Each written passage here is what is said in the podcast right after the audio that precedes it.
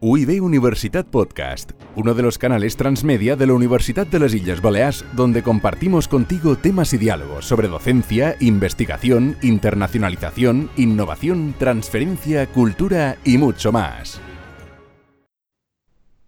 Bienvenidos a este nuevo podcast sobre Derecho a la Competencia. Os saluda Juan Fran Fluchá, profesor de Derecho Mercantil de la Universidad de las Islas Baleares. Para esta conversación, que versará sobre inteligencia artificial y competencia, contamos con Julia Suderow, socia de los bufetes Suderow y 3C Compliance, coordinadora nacional del Observatorio Permanente de Aplicación de Normas de la Competencia de la Universidad de Trento y también profesora en la Universidad de Deusto. Bienvenida, Julia. ¿Cómo estás? Muchas gracias, Juan Frank, por esta invitación. Es un honor y un placer poder compartir con vosotros un par de ideas y compartirlas a través de este medio. Encantados. Vamos a hablar de esta inteligencia artificial, del uso de máquinas y de este mercado digital que, tanto o sobre el que tanto la, Comisión Europea está trabajando y nos está ofreciendo muchísimas publicaciones. Y yo empezaría por preguntarte, ya que estamos sumisos a este nuevo entorno, ¿En qué medida afecta el derecho de la competencia o afecta el derecho de la competencia al desarrollo de la, inteligencia artificial? ¿Cómo podemos entender este, este binomio? Bien, cualquier desarrollo industrial, incluido la inteligencia artificial, tiene que cumplir con la normativa vigente y adaptarse también a la normativa que luego se vaya desarrollando precisamente en el caso que resulte necesario para regular eh, esa nueva actividad. Estamos ante una nueva serie de herramientas que estamos usando en nuestro día a día y que vamos a usar de una forma cada vez más intensiva en nuestro día a día que plantea muchas cuestiones legales. Entre otras cuestiones, hemos hablado mucho en los últimos años y tiempos sobre los problemas de privacidad relacionados con la inteligencia artificial y de protección de datos, pero no es el único campo que se ve muy afectado eh, por la inteligencia artificial. El derecho a la competencia también es un campo en el cual hemos observado, y más aún en los últimos años, eh, que determinadas aplicaciones y determinados mecanismos asociados a la inteligencia artificial pueden incluso llegar a plantear nuevas cuestiones de derecho a la competencia. ¿Se puede garantizar que la inteligencia artificial cumpla con las normas de competencia tradicionales? Bien, esta es, una gran pregunta que nos estamos planteando en estos momentos tanto desde la doctrina como desde la práctica. Eh, Margarete Vestager dice en, una de sus charlas sobre este tema, eh, viene a decir que cualquier desarrollo que se haga tiene que ser como Em, como HAL, pero en su buena versión. HAL, el robot de Odisea 2021, 2021 creo que es, eh, o 2001, la, la, gran película que conocemos todos. Lo que viene a decir es, nosotros si desarrollamos algo tenemos que ser conscientes y responsables de lo que hacemos. Y ese desarrollo tiene que cumplir con, lo que, con la normativa que se aplica. Hasta ahora, insisto, hemos mirado mucho la privacidad y ahora nos estamos dando cuenta que hay una serie de elementos que están ahí fuera por ejemplo, robots o bots, como los llamamos, en mercados digitales que se emplean para determinar los precios. Estamos todo el día ajustando precios y negociando precios en micras de, en muy poco tiempo, eh, de forma cuasi automática o automática, y estas herramientas que usamos para determinar estos precios lo hacen de forma automática. Entonces, los parámetros que emplean estas, estos sistemas automatizados también tienen que cumplir con la norma de la competencia. Y eh, las normas de defensa de la competencia, como bien sabéis, lo que buscan es defender la libre competencia en el mercado. Y la mejor forma de defender la libre competencia en el mercado es que todos actuemos de forma autónoma. Y para actuar de forma autónoma, tenemos que tener incertidumbre sobre lo que quiere hacer nuestro competidor. ¿Vale?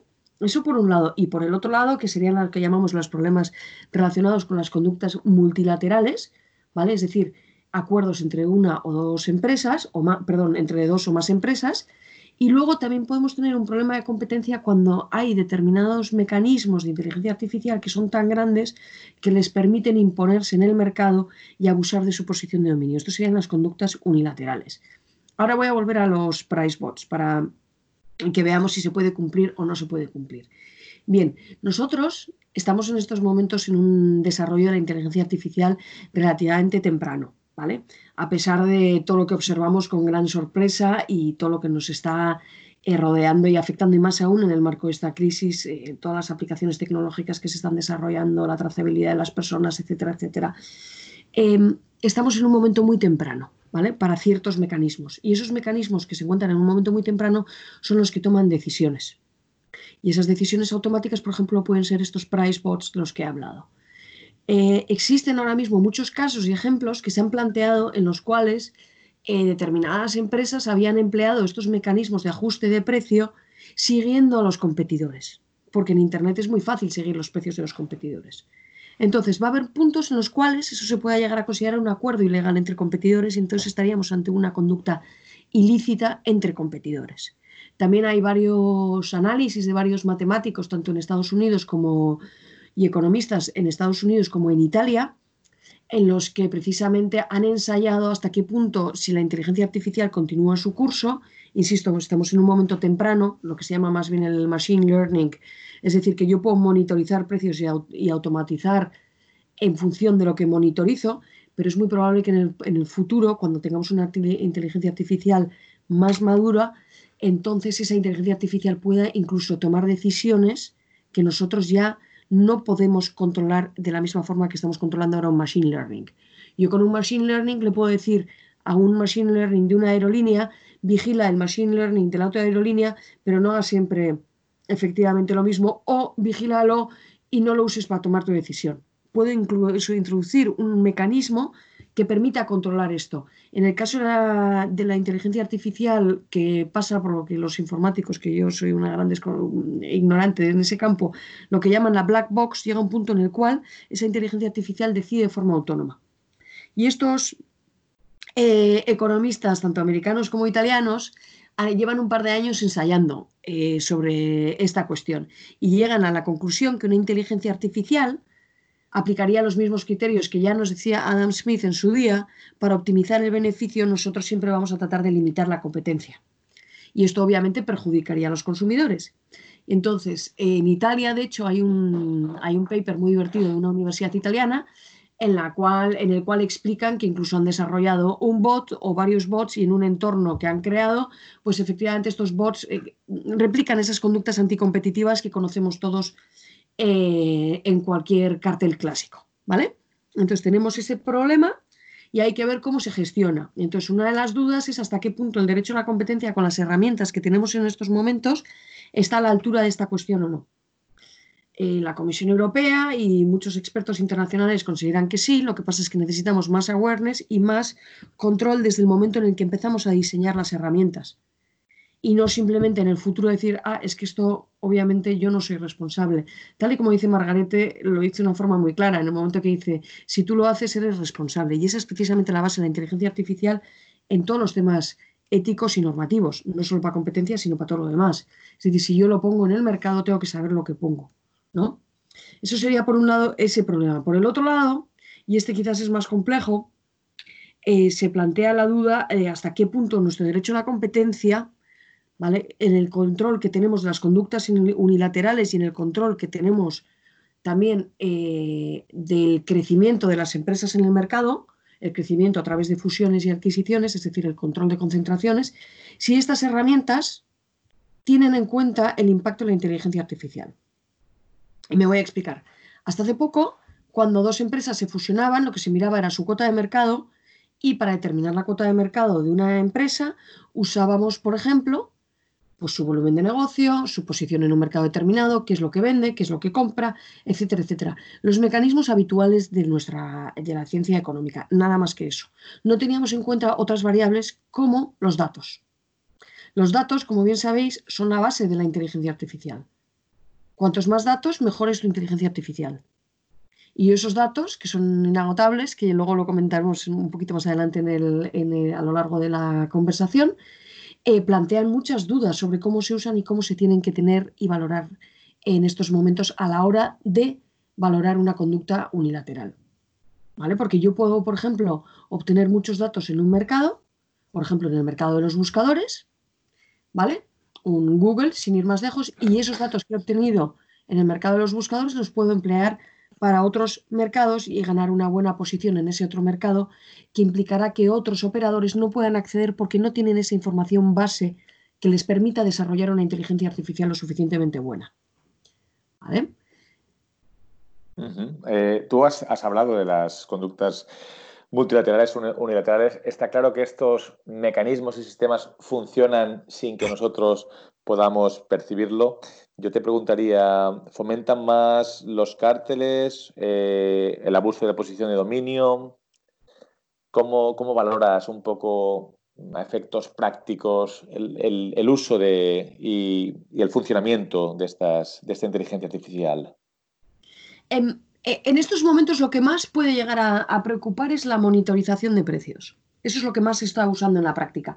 Ya ha habido varios casos en los que eh, empresas lo que han hecho, y esos son los casos en los que las autoridades de defensa de la competencia han actuado, y son los casos fáciles, lo que se estaba usando era el software o la inteligencia artificial o el machine learning se estaba usando para cartelizar.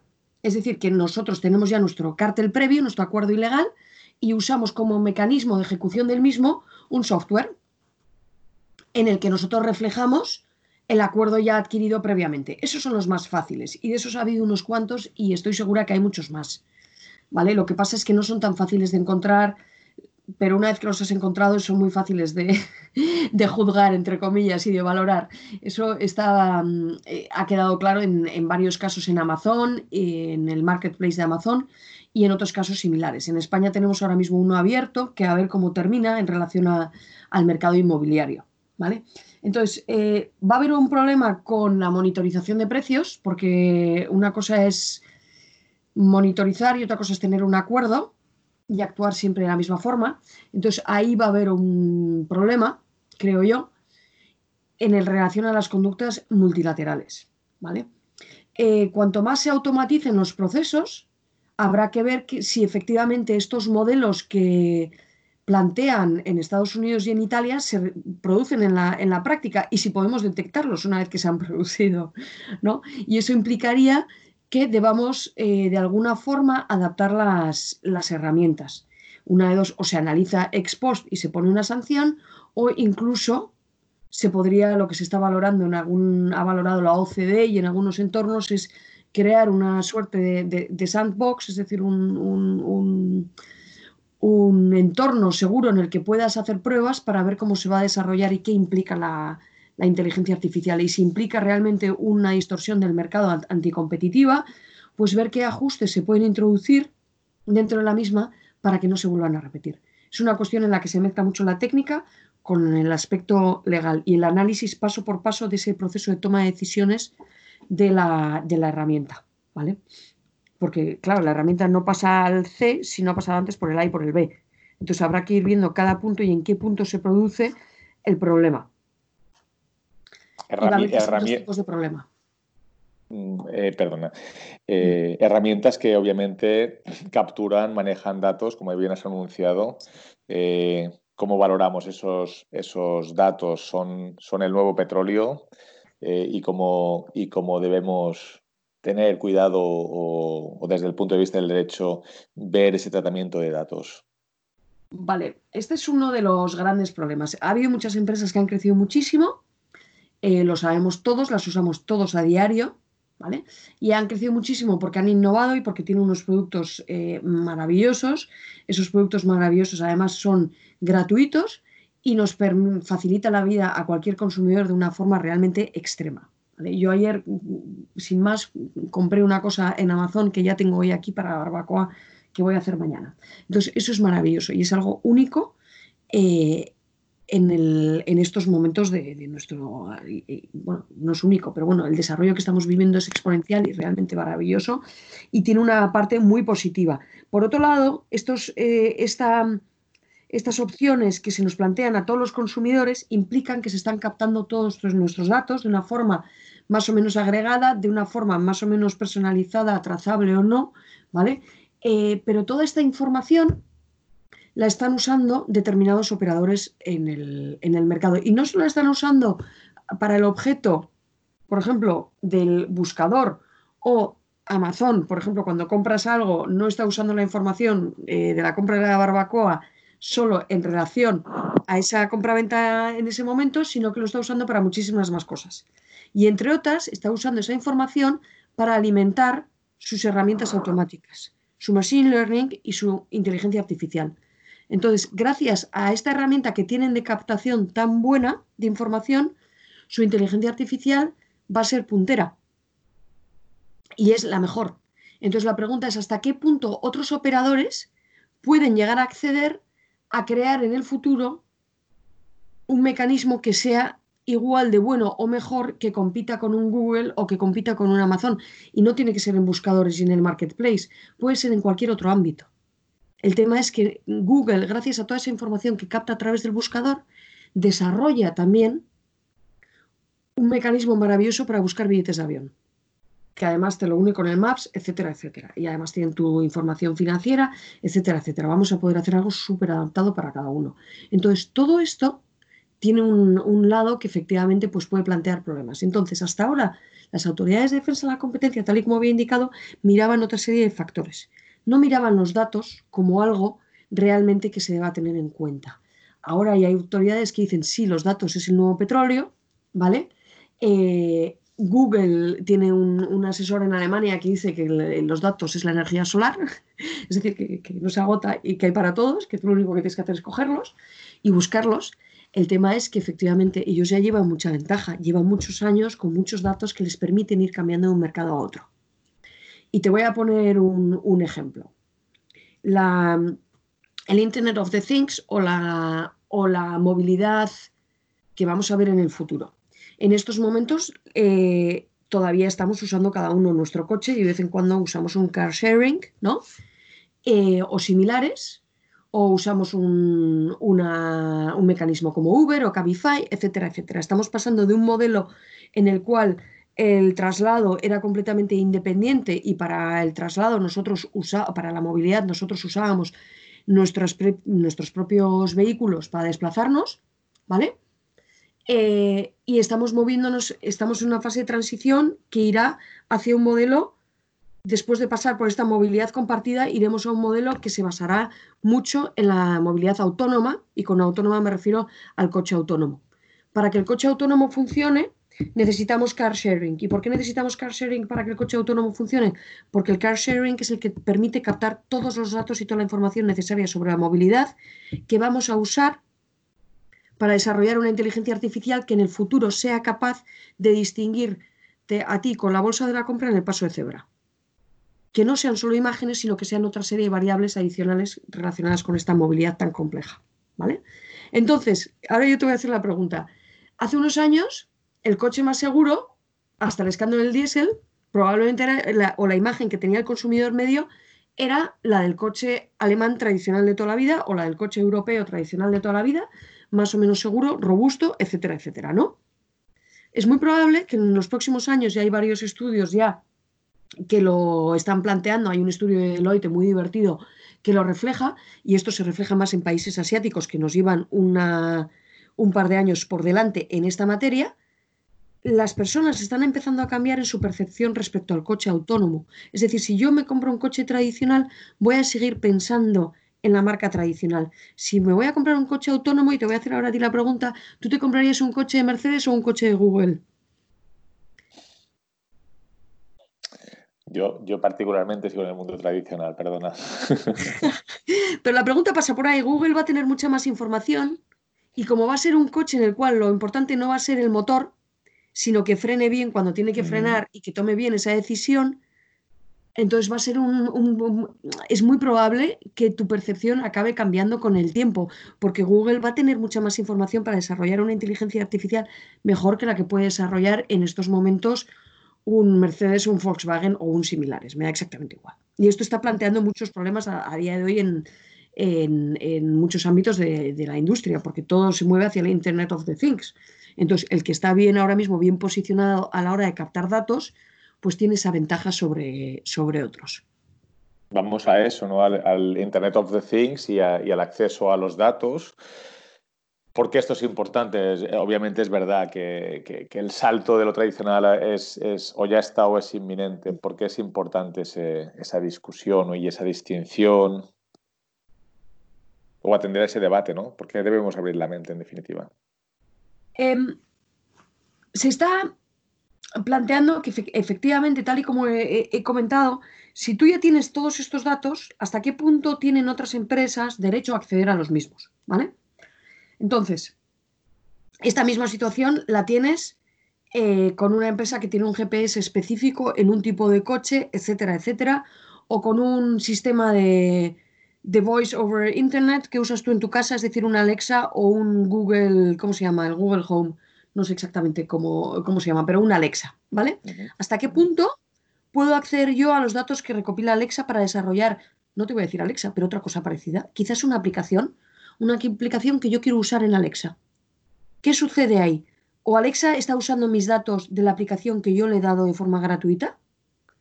Y está habiendo mucha canibalización.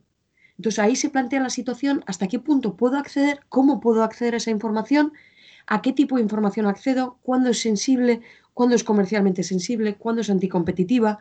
Hay un paper ahora muy bonito, de, bueno, muy, bonito, no, muy interesante de la Comisión Europea, eh, que se presentó a finales de febrero sobre la estrategia de datos a seguir dentro de la Unión Europea. Lleva mucho tiempo trabajando en esto y no es solo un tema de competencia, es un tema también de, de ética Em, de fairness, de, mil cuestiones. Entonces, una de las cuestiones que se plantea ahí y se discute mucho es cómo compartir estos datos para desarrollar determinadas aplicaciones y determinada inteligencia artificial. ¿Hasta qué punto podemos incluso crear eh, acuerdos entre empresas que en otros ámbitos competirían para que compartan datos para desarrollar esa inteligencia artificial de una forma que consigas desarrollarla que sea competitiva y que además beneficie al consumidor final, que esa es la idea que hay detrás. ¿Vale? Entonces está habiendo ahí mucho debate. Entonces veremos hasta qué punto en Alemania hay una, iniciativa que se está planteando ahora en el, en el, en el, Bundestag, en el Parlamento alemán, en la que precisamente se habla del derecho de acceso a datos en determinados ámbitos.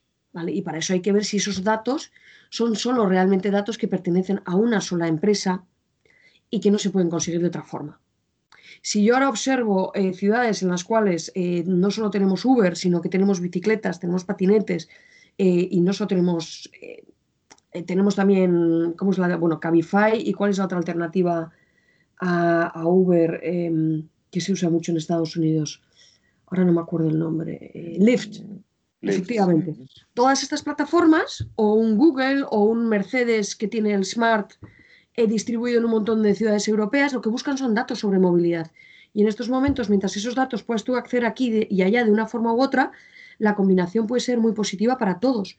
Pero el desarrollo que, por ejemplo, tienen eh, Google respecto a la movilidad, que nosotros la llevamos en el móvil constantemente, a no ser que la paguemos, es decir, que saben exactamente a la velocidad en la que nos estamos moviendo en cada momento y a dónde vamos y cómo vamos.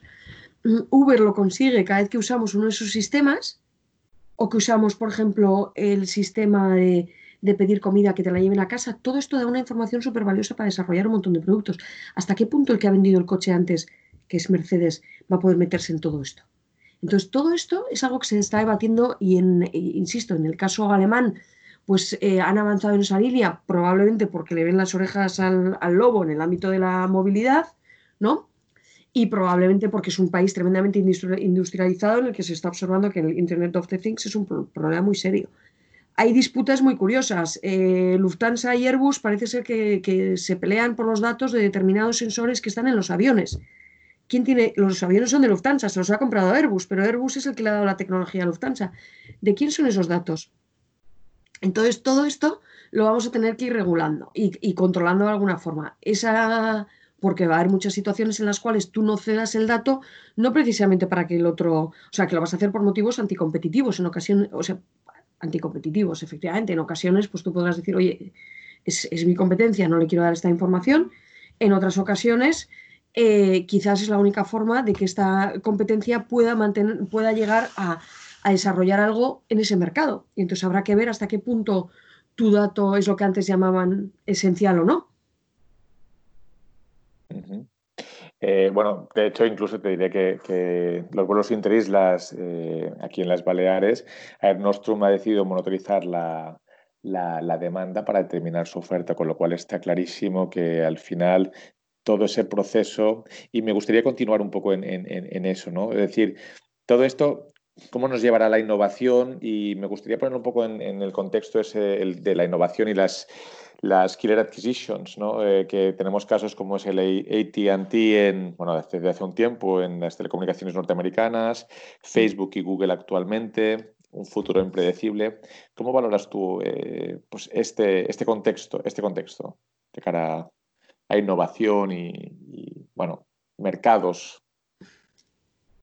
Em, ATT es un caso muy antiguo, pero que yo lo planteo bastante en clase. ATT tenía un, departamento que lo llamaban el ATT Lab.